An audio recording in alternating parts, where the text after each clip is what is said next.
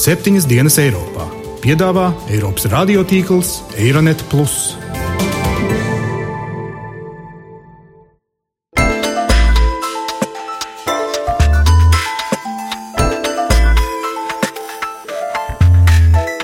Šonadēļ septiņas dienas Eiropā dzirdēsim. Mēs piedarām vienotai telpai ap Baltijas jūru. Mēs vēlētos būt tāda pat garlaicīga valsts kā Dānija. Drošība visplašākajā šī vārda nozīmē.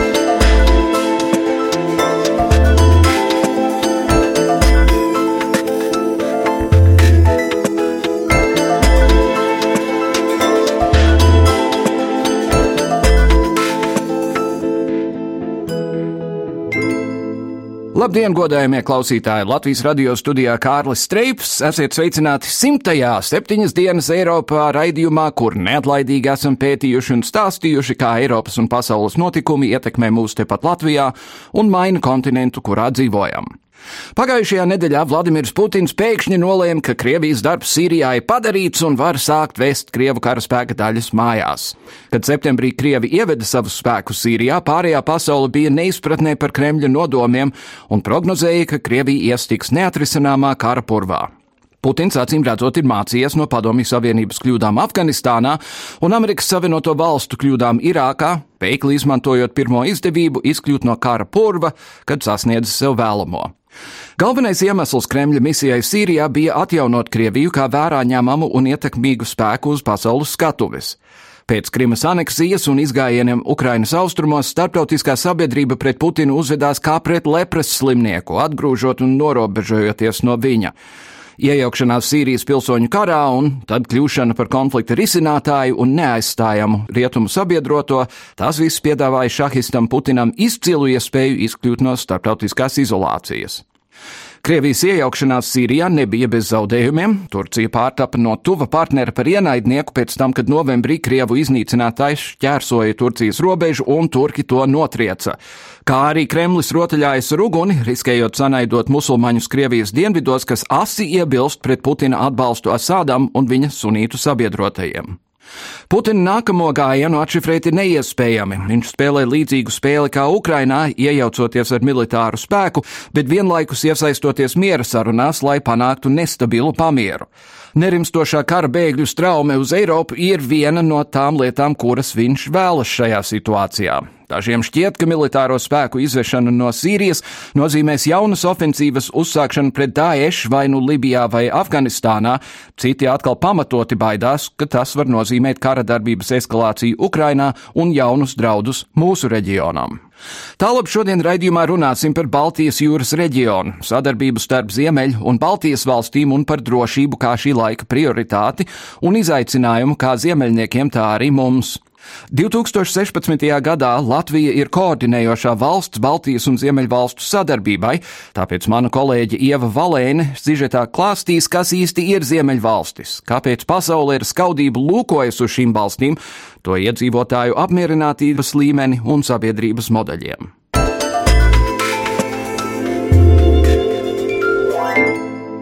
Ziemeļvalstis, kuras sastāv no Zviedrijas, Somijas, Norvēģijas, Dānijas un Islandes, jau vairākus gadus tiek daudzinātas par paraugu citām pasaules valstīm.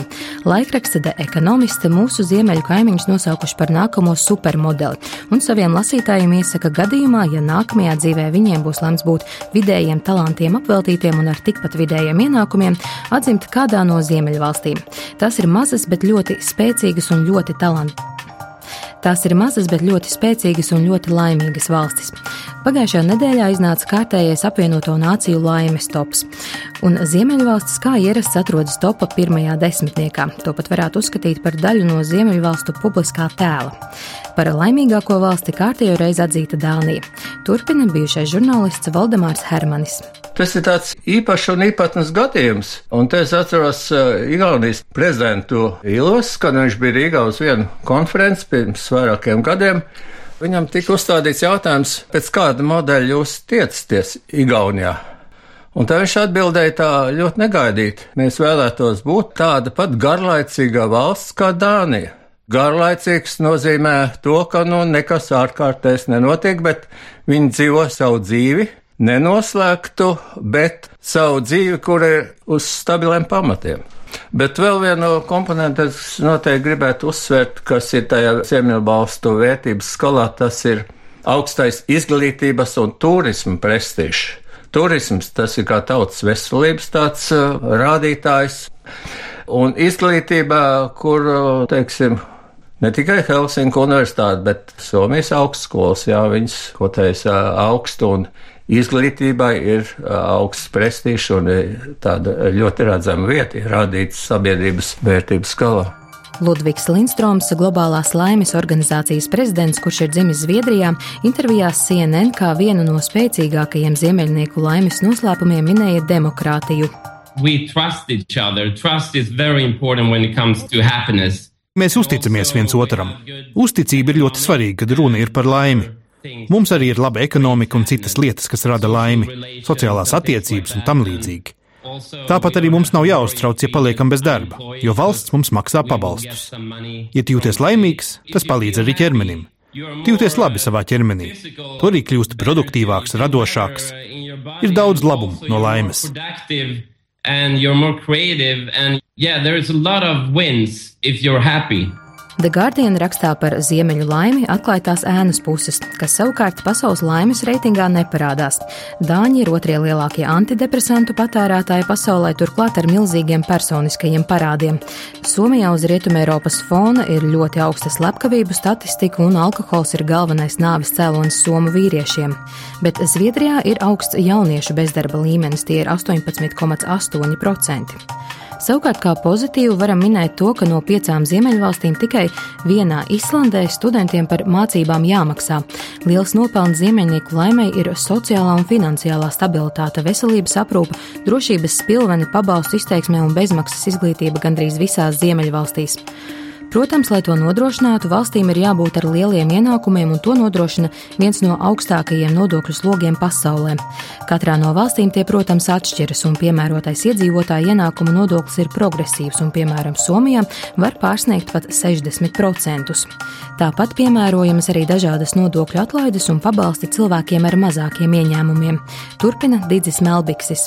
Tie jāatzīmē, ka joprojām tā nodokļu maksāšanas morāla viņiem ir ļoti spēcīga. Ir ļoti maz cilvēku, kas atļaujas nemaksāt nodokļus. Nu, pirmkārt, katram cilvēkam, arī katrai privātpersonai, ir jāiesniedz gada deklarācija. Nav tik daudzās diskusijas par to maksāt vai nemaksāt ir tā, ka ir ļoti daudz cilvēku kategoriju, kuri arī dažādos mūža posmos, ja viņi strādā vai studē, viņi arī saņem, teiksim, viņam ir darba alga vai stipendija vai studiju kredīts, bet viņš saņem arī kaut kādu pabalstu, bet tas nenozīmē, ka viņš dzīvo no pabalstiem. Bet, ja mēs apskatāmies procentuāli, cik viņi saņem pabalstus, jā, protams, nu, piemēram, viņiem ir jauniem cilvēkiem līdz 29 gadu vecumam ir tā sauktais dzīvokļu īres pabalsts. Tad, tad iesniedzot savus cik jūs plānojat savus gada ienākumus, un ja šie ienākumi ir zem zināmām robežām, un, protams, tu aizpild arī tajā lapā, cik tev ir dzīvokļi īri, un, un tad viņi sarēķina, vai tev pienāks vai nepienāks, un nepienāks, tad cik. Tātad tu saņem kaut kādu nelielu naudiņu, kas tev atvieglo dzīvi. Un tas ir ar domu, ka cilvēks līdz šiem 29 gadiem bieži vien studē, tur ir arī viena daļa, kas ir jaunie vecāki, kam ir grūtāk, ir kaut kādi pirmie darbi, kas nav tik labi apmaksāti, un arī, nu, teiksim, atrast dzīvokli un tā, un ir bieži vien jauniem cilvēkiem nav varbūt tik vienkārši. Un tātad šādi pabalsti eksistē. Interesanti, ka ziemeļnieku ekonomikas modeli mēdz dēvēt par kameni, jo pēc visiem ekonomikas likumiem tai nevajadzētu strādāt, bet tā strādā. Tāpat kā kameni, kurai nevajadzētu lidot, bet kaut kā tā tomēr apiet fizikas likumus un lido. Protams, par Ziemeļvalstīm dzirdēt arī neskaitāmi mīti, gan seni, kas saistīti ar dzimumu līdztiesības jautājumiem, gan arī svaigāki, kas savukārt pievēršas patvērumu meklētājiem un noziedzības līmenim. Otrais īpaši izteikts ir Zviedrijas gadījumā, kas pagājušā gadā vien uzņēma vairāk nekā 160 tūkstošus patvēruma meklētāju. Turpina Digis Melbiksis. Statistika uzrāda to, ka Zviedrijā vardarbības līmenis, arī noziedzības līmenis ir zems un pat kļuvis gadu gaitā zemāks. Un e, pēdējie dati, e, kurus žurnālisti analizē, tieši mēģinot noskaidrot. Vai tad tiešām nu, šis patvērumu meklētāju pieplūdums pagājušajā gadā, tad 163 tūkstoši cilvēku ienāca šajā valstī, un mēģināja noskaidrot, tātad, nu, vai ir palielinājusies noziedzība tieši no šiem cilvēkiem. Un vienkārši savācot datus un apskatoties, nu, cik tad procentuāli kas par ko ir atbildīgs, ja, patvērumu meklētāju iesaistība kaut kādās noziedzīgās darbībās bija no kopējā noziegumu skaita, tad bija zem 1%. Pēdējo pāris gadu notikumi Ukrainā un Sīrijā, kas izraisījuši arī patvērumu meklētāju pieplūdumu Zviedrijā, pamatīgi uzkarsējuši ziemeļnieku vēsos prātus. Arī draudi no Krievijas puses tiek uztverti ļoti nopietni. Zviedrijas bruņoto spēku komandieris Mikēls Bidens vizītes laikā Lietuvā teica, ka NATO militārās klātbūtnes palielināšana Baltijas jūras reģionā laikā, kad Krievija ir izrādījusi savu vēlēšanos izmantot militāru spēku, lai sasniegtu politiskus mērķus, rada papildus riskus reģionā. Par spīti komandiera nosauktajiem riskiem Zviedrijas sabiedrībā notiek diskusijas par to, vai valstī būtu jāpievienojas NATO, un šobrīd vairāk zviedru ir par pievienošanos aliansē nekā pret. Savukārt Somijā sabiedrības viedoklis ir pretējs. Somija un Zviedrija vēsturiski, kā zināms, ir militāri neitrālas un nav kļuvušas par NATO dalību valstīm, piekopjot dažu prātu samierniecisku politiku iepratī Krievijai. Nesen tomēr abas valstis sākušas izskatīt ciešāku savstarpēju militāro sadarbību, kas varētu vainagoties ar drošības savienības līgumu, kad abas valstis viena otru aizstāvētu apdraudējuma gadījumā. Tā kā šogad Baltijas un Ziemeļvalstu sadarbības fórumos Latvija ir prezidējošā valsts un kā galvenā šī gada darbības prioritāte izvirzīta reģiona drošība, gribējām uzzināt, kā kāda ir kopējā drošības sadarbības situācija reģionā. Tālāk studijā esam aicinājuši Latvijas ārlietu ministrijas politisko direktoru Eduardu Stiproālu. Labdien! Labdien! Sāksim ar to, ka pirms pāris dienām Ziemeļvalstu un Baltijas valstu ārlietu ministri nāca ar kopēju depešu par to, ka sankcijas pret Krieviju nevajag pārtraukt un tā tālāk. Cik tas ir nozīmīgi un cik lielā mērā tas tiek sadzirdēts ārpus mūsu reģiona?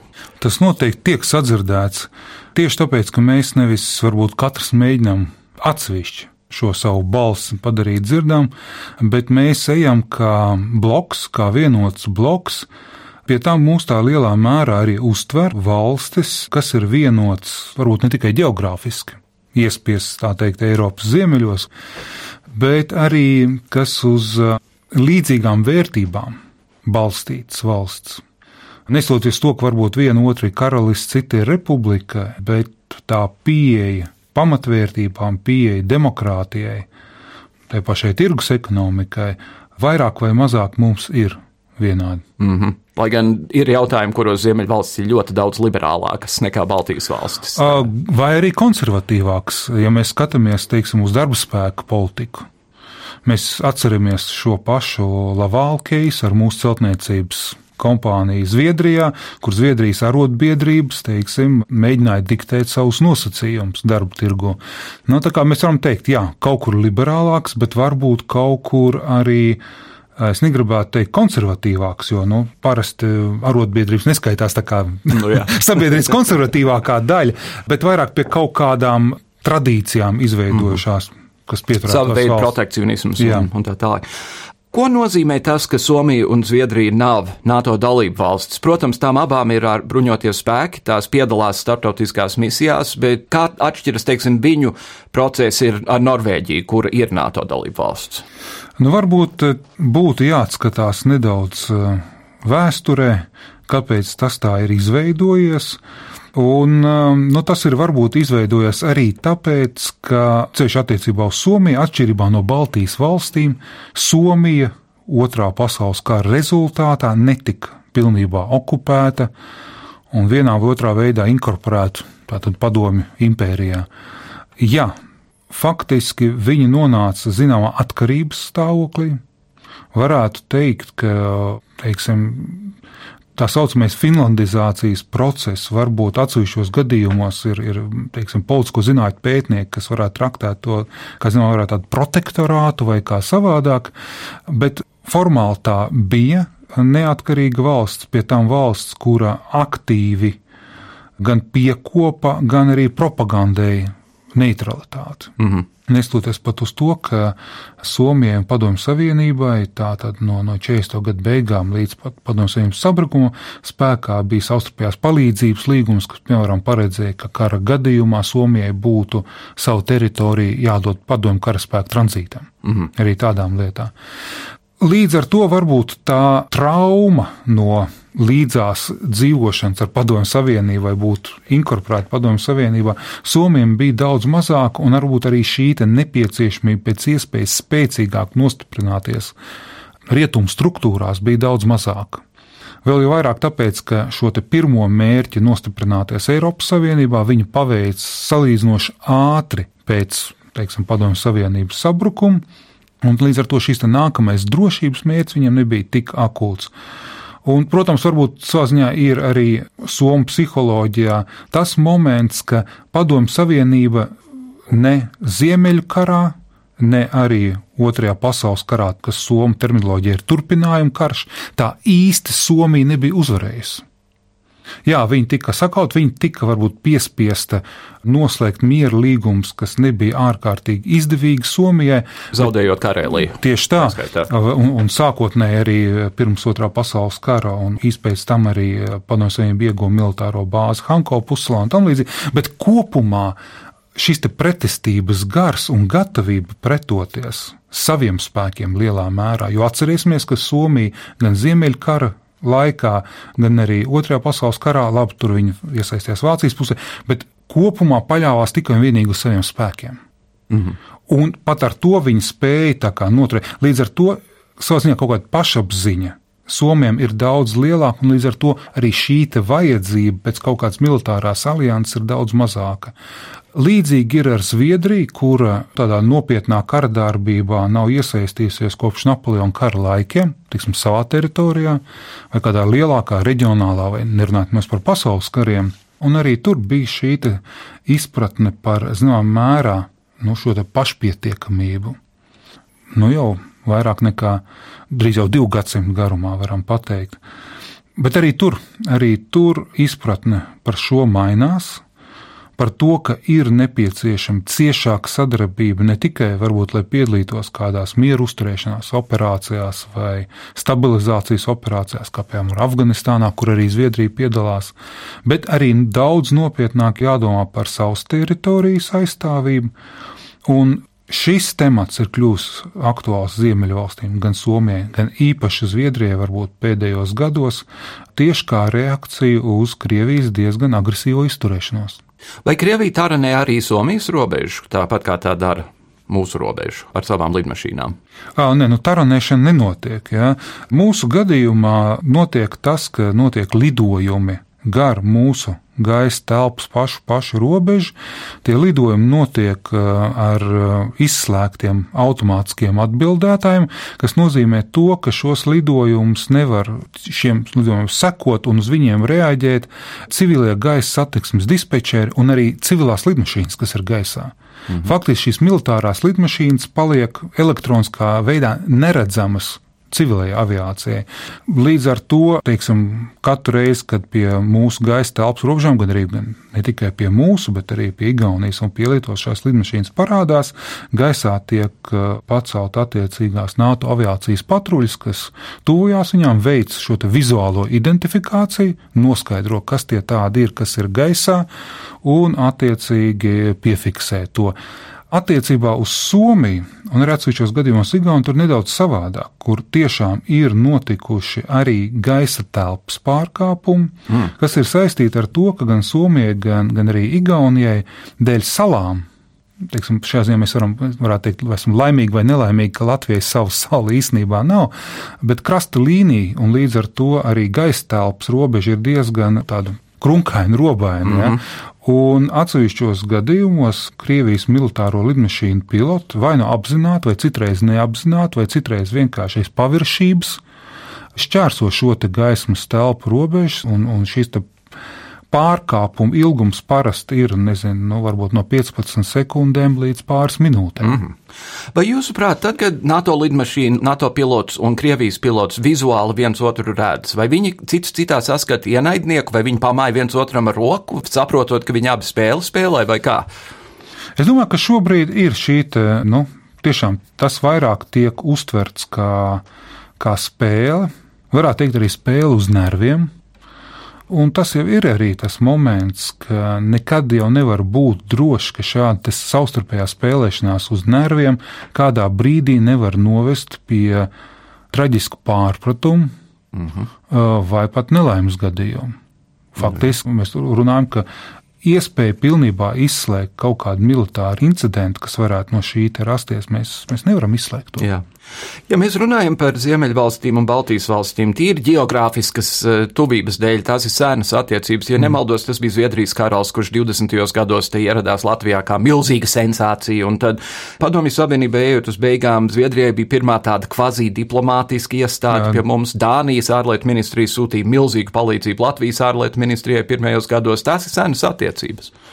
Absolūti, un tās ir attiecības, kuras um, es pat teiktu, varbūt stiepjas nevis no 20 gadiem, bet tas, ar ko mēs sākām, ka mēs piedaram kaut kādā ziņā vienotai šai te telpai ap Baltijas jūru, kas ir dabiski izveidojusies. Un, uh, ja mēs paskatāmies, tad Baltijas jūra, ja neskaita teiksim, augstā kara gadus un, un dzelzs priekšskara, ja, kad faktiski viņi bija robeža. Mm -hmm visos iespējamajos laikos pirms tam faktiski Baltijas jūra bija tā, kas vienoja nācijas ap jūru. Tas bija visīsākais, visdrošākais un visekonomiski izdevīgākais tirzniecības ceļš.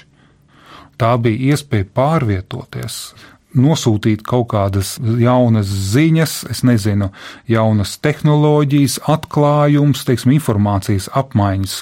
Tā laika, sauksim to par internetu. Mm -hmm. Tā skaitā. Ja? Līdz ar to mums ir daudz vairāk un ciešāks saites ar jebkuru faktiski no ziemeļu valstīm nekā varbūt ar, nu, ja mēs novilksim kartē ar cirkulu apli, ieliekot teiksim, to centru Rīgā, novalkot uz leju nekā ar jebkuru valsti, kas būtu no, nu, uz dienvidiem. Tā skaitā mēs jau vienu laiku bijām Zviedrijas sastāvdaļa, vismaz Latvijas ziemeļu daļa. Jā, bagātākā no visām Zviedrijas sastāvdaļām. Arī. Es pateicu, ka šogad Baltijas un Ziemeļu valstu sadarbības fórumos Latvija prezidējošā valsts. Kādi ir šie sadarbības fórumi? Vai tie ir no līdz visādi, visādi, visādi jautājumi vai arī kaut kas konkrētāks? Teiksim tā, Ja mēs runājam par formātiem, tie ir visdažādākie formāti.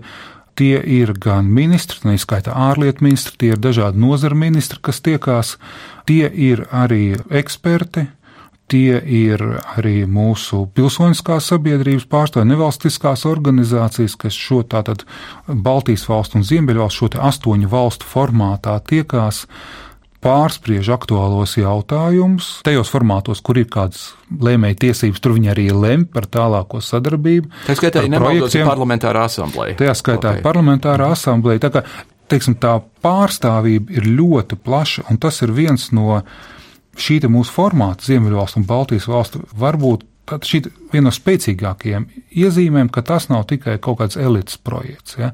Un atkal tāpēc, ka tas izriet no, no tā, ka mēs dabiski esam faktiski kopā, ka mēs esam līdzīgi domājoši, ka mums ir līdzīgas bažas par jautājumiem, viena vai otra, vēlmes, mērķi.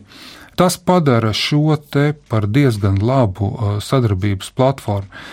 Tas, ko varētu pateikt pie tiem vieniem no lielākajiem mērķiem, protams, šobrīd ņemot vērā visus notikumus pasaulē, tā ir drošība. Un tā ir drošība visplašākajā šī vārda nozīmē. Mm -hmm. Sākot no teiksim, indivīda drošības, tādā skaitā varbūt arī ekonomiskās, sociālās, nezinu, veselības, aizejot līdz, protams, nu, tai drošībai, ko mēs saprotam, starptautiskā drošība, militārā drošība, šie tie jautājumi. Tā kā faktiski mēs liekam, teiksim tādu, cilvēka drošību šīs sadarbības pašā, pašā fokusā. -hmm. Ja runa ir par konkrēti militāro drošību, vai jūsu iespējas ir tāds, ka Zviedrijā un Somijā notiek saruna par to, ka tomēr varbūt vajadzētu iestāties NATO? Šī diskusija notiek. Šī diskusija notiek abās valstīs, nu, faktiski pēdējos kādus 20 gadus, ar mainīgām sekmēm. Un, skatoties, faktiski, faktiski es varētu pat, jā, skatoties, kur politiskā partija Bet nu, līdz pat notikumiem Ukrainā un, un, un Krimas eh, šai pretlikumīgajai aneksijai, teiksim, tas atbalstītājs skaits bija salīdzinoši neliels, vai arī kaut arī viņš bija liels, viņš bija nepietiekami liels, lai jau radītu kaut kādu pamatu izvērstākai diskusijai. Mm -hmm. Un šobrīd mēs redzam, it sevišķi Zviedrijā, un it sevišķi Zviedrijā tieši tāpēc, ka Zviedrija saredz būtisks apdraudējumus arī savai teritoriālajai integritātei, Jo, nu, teiksim, jebkurš militārais plānotājs sapratīs, ja tiek uzsākt kāda nopietna, lielāka mēroga kara darbība Baltijas jūras reģionā, tad uh, Zviedrijas lielās salas un pirmām kārtām Gotlande ir ārkārtīgi svarīgs strateģiskais punkts, no kura faktiski ir iespējams kontrolēt visu Baltijas jūras austrumu daļu. Mm -hmm. ja, līdz ar to viņi lieliski saprot, ka var būt mēģinājumi. Nu, šajā konkrētajā gadījumā tie lielākie uztraukumi varētu būt par Krievijas mēģinājumiem ieņemt Gotlandes salu, izvietot tur teiksim, pretgaisa aizsardzības sistēmas, pretkuģu kaut kādas raķešu sistēmas un tam līdzīgas, kas faktiski pilnībā nobloķē Baltijas jūru. Mm -hmm. Un kāda šajā ziņā ir sapratne starp šīm divām valstīm un NATO? NATO sola garantēt drošību savām dalību valstīm, bet droši vien kaut kādi solījumi ir arī Zviedrijai un Somijai. Nu, šis ir tas gadījums, kad NATO atbilde Somijai un Zviedrijai ir ļoti vienkārša. Lai NATO līguma piektais pants darbotos arī attiecībā uz Somijas un Zviedrijas teritoriju, šīm valstīm ir jākļūst par dalību valstīm. Mhm. Atbilde ir ļoti vienkārša.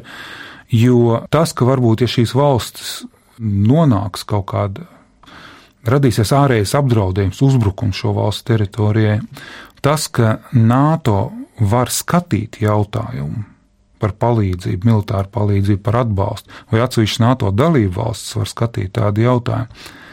To mēs neizslēdzam, bet tas nebūs automātiski. Mhm. Automātiski tas notiek tikai tādā gadījumā, ja ir NATO dalībvalsts. Tad ir piektais pants, tad ir nekavējošās reakcija, tad ir teritorijas aizstāvēšana pret mhm. jebkuru ārējo ienaidnieku. Un pēdīgi šajā sakarā, drusku citā jomā, kā ārlietu ministrija uztver eh, Krievijas pēkšņo paziņojumu, ka tā vāksies laukā no Sīrijas? Kas tur ir zem ādas Putinam un viņa cilvēkiem? Ziniet, no nu, ar tiem pēkšņiem Krievijas paziņojumiem ir tā, ka nevienmēr eh, praktiskā rīcība reāli seko šiem paziņojumiem. Uh, Līdz ar to es ieteiktu nogaidīt un pavērot, kā tad uh, praktiskā veidā šī spēka izvešana notiek. Mm. Kaut vai tāpēc, ka viņiem Jā. tur ir jūras bāze. Uh, tieši tā, un arī gaisa spēka bāze viņi paliek. Es mm -hmm. saprotu, viņi vēlās viņu saglabāt. Protams, liels un būtisks jautājums, kurš paliek, kas tad ir bijuši tie mērķi, kuri tad ir izpildīti jo tā saucamā islāma valsts, jeb Daesh, nav vēl sakauta. Faktiski Sīrijas teritorijas atbrīvošana no šiem radikāliem kaujiniekiem nav notikusi.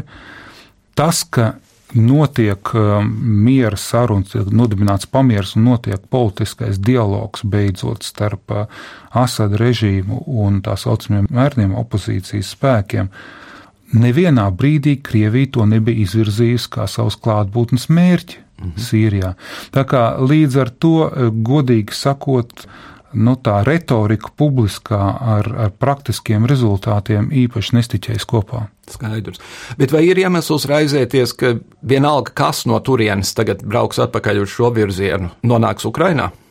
Tādu iespēju mēs izslēgt nevaram, bet jebkurā gadījumā tie nav tādi apjomi, ņemot vērā kopējo Krievijas bruņoto spēku izmēru un arī pieejamo bruņojumu apjomu, kas nu, tā, būtiski varētu mainīt situāciju. Arī šobrīd Krievijai teiksim, nebūtu problēmu Ukraiņas pierobežu pārvietot tikpat liels spēks no tā paša centrālā kara apgabala vai no austrumu kara apgabala. Ja? Tas nav šajā gadījumā tas, kas varētu radīt bažas pats par sevi. Tas drīzāk kādi ir nodomi un plāni attiecībā uz Ukrajinu. Par to mums būtu jāuztraucās. Un tas ir pilnīgi cits jautājums. Tieši tā. Ārlietu ministrijas politiskais direktors Edvards Stiprais. Paldies par sarunu. Paldies jums! Albāņu izcelsmes katoļu sabiedriskā darbiniece, žēlsirdības misionāru reliģiskā ordeņa dibinātāja un Nobela miera prēmijas laureāte māte Terēze reiz teikusi: Pat ja mums pašiem šķiet, ka tas, ko darām, ir tikai piliens okeānā, ja nebūtu šī piliena, tad okeāns būtu mazliet tukšāks. Tāpēc mēs septiņas dienas Eiropā mīlam plunčāties okeānā. 4. septembrī katoļu baznīca svēto kārtā iecels māti Terēzi. Iecelšana svēto kārtā nozīmē, ka katoļu baznīcas neskaitāmās komisijas ir apstiprinājušas, ka māte Terēze savā mūžā ir veikusi divus brīnumus un ka viņas dzīve un likumība ir bijusi varonīgā pakāpē. Šobrīd viņa godinām kā svētīgā, kas nozīmē, ka katoļu baznīca vienu brīnumu jau ir apstiprinājusi. Turpina Romas katoļu baznīcas Rīgas arhibīskaps metropolīts Zbigņevs Stankevičs. Ir jāpaiet pieciem gadiem, piecu gadu periodam pēc kandidāta nāves. Sākumā pieci gadi jānogaida, lai viss nomierinās. Tā ir tā parastā kārtība. Bet, ja nemaldos, viņas gadījumā pāvests saīsināja to gaidīšanas laiku, jo Jānis Pāvils II bija, nu, viņi bija, var teikt, draugi. Viņš viņu pazina, viņš viņu uzticējās, un viņam ir tā vara pateikt, zini, te ir lieta tik skaidra, ka mēs tās procedūras saīsināsim un sāksim to procesu ātrāk. Un tad, kad viņa izšķīrās nu, par šo ceļu, tas bija kaut kur 40. gadu jau beigas. Tā izšķīrās kalpot dievam, un viņa piedzīvoja medus mēnesi divu gadu garumā. Attiecībās ar dievu. Viņa peldējās dieva mīlestības okeānā, dieva klātbūtnē. Viņai Jēzus, kurš līdzīgi kā evaņģēlijos mēs lasām, ka pēc augšām celšanās viņš parādījās mācekļiem, arī Magdalēnai. Nāca pie viņas augšām cēlušais un ar viņu runāja, viņu iedrošināja. Tā viņa vienkārši bija laimes kangalos divus gadus. Un tad pienāca brīdis, kad Jēzus pie viņas atnāk. Viņa saka, šī ir pēdējā reize. Es pie tevis vairāk nenākšu. Tādā izskatā. Saku, bet es gribu pateikt vienu, tu to atceries labi. Es būšu tev klāt, es nebūšu nekur prom, bet tu to nejutīsi. Es būšu ar tevi, bet es neļaušu tev sajust savu klātbūtni. Un viņa to pieņēma. Viņa teica, jā, labi. Tā māte Terēze, kuru mēs pazinām un pastarpināti, jā, kā viņu rādīja, ka viņa vienmēr smaidīga, starojoša, mīlestības pilna. Liekas, viņa turpina peldēties Dieva klātbūtnē un Dieva mīlestības okeānā. Bet tas bija ticībā. Iekšā viņa jūta pavisam kaut ko citu, bet viņa paļāvās, viņa ticēja, viņa turpināja, viņa kalpoja, un caur viņu tā mīlestība plūda, bet viņa to nejūta. Un lūk, nu, mēs tagad varam kaut ko spriest par to, ko nozīmē tikums varonības pakāpē. Nu, tas ir gara gigants, lai kaut ko tādu varētu iztenot un izturēt 50 gadu garumā.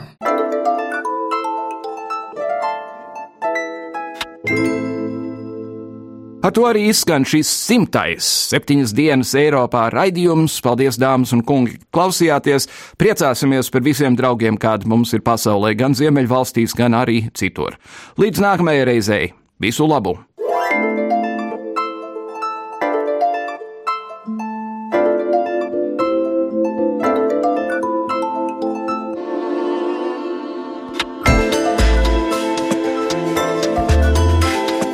Raidījumu veido Kārlis Streips, Ieva Valēne un Jānis Krops. Raidījuma producents Lukas Rozītis.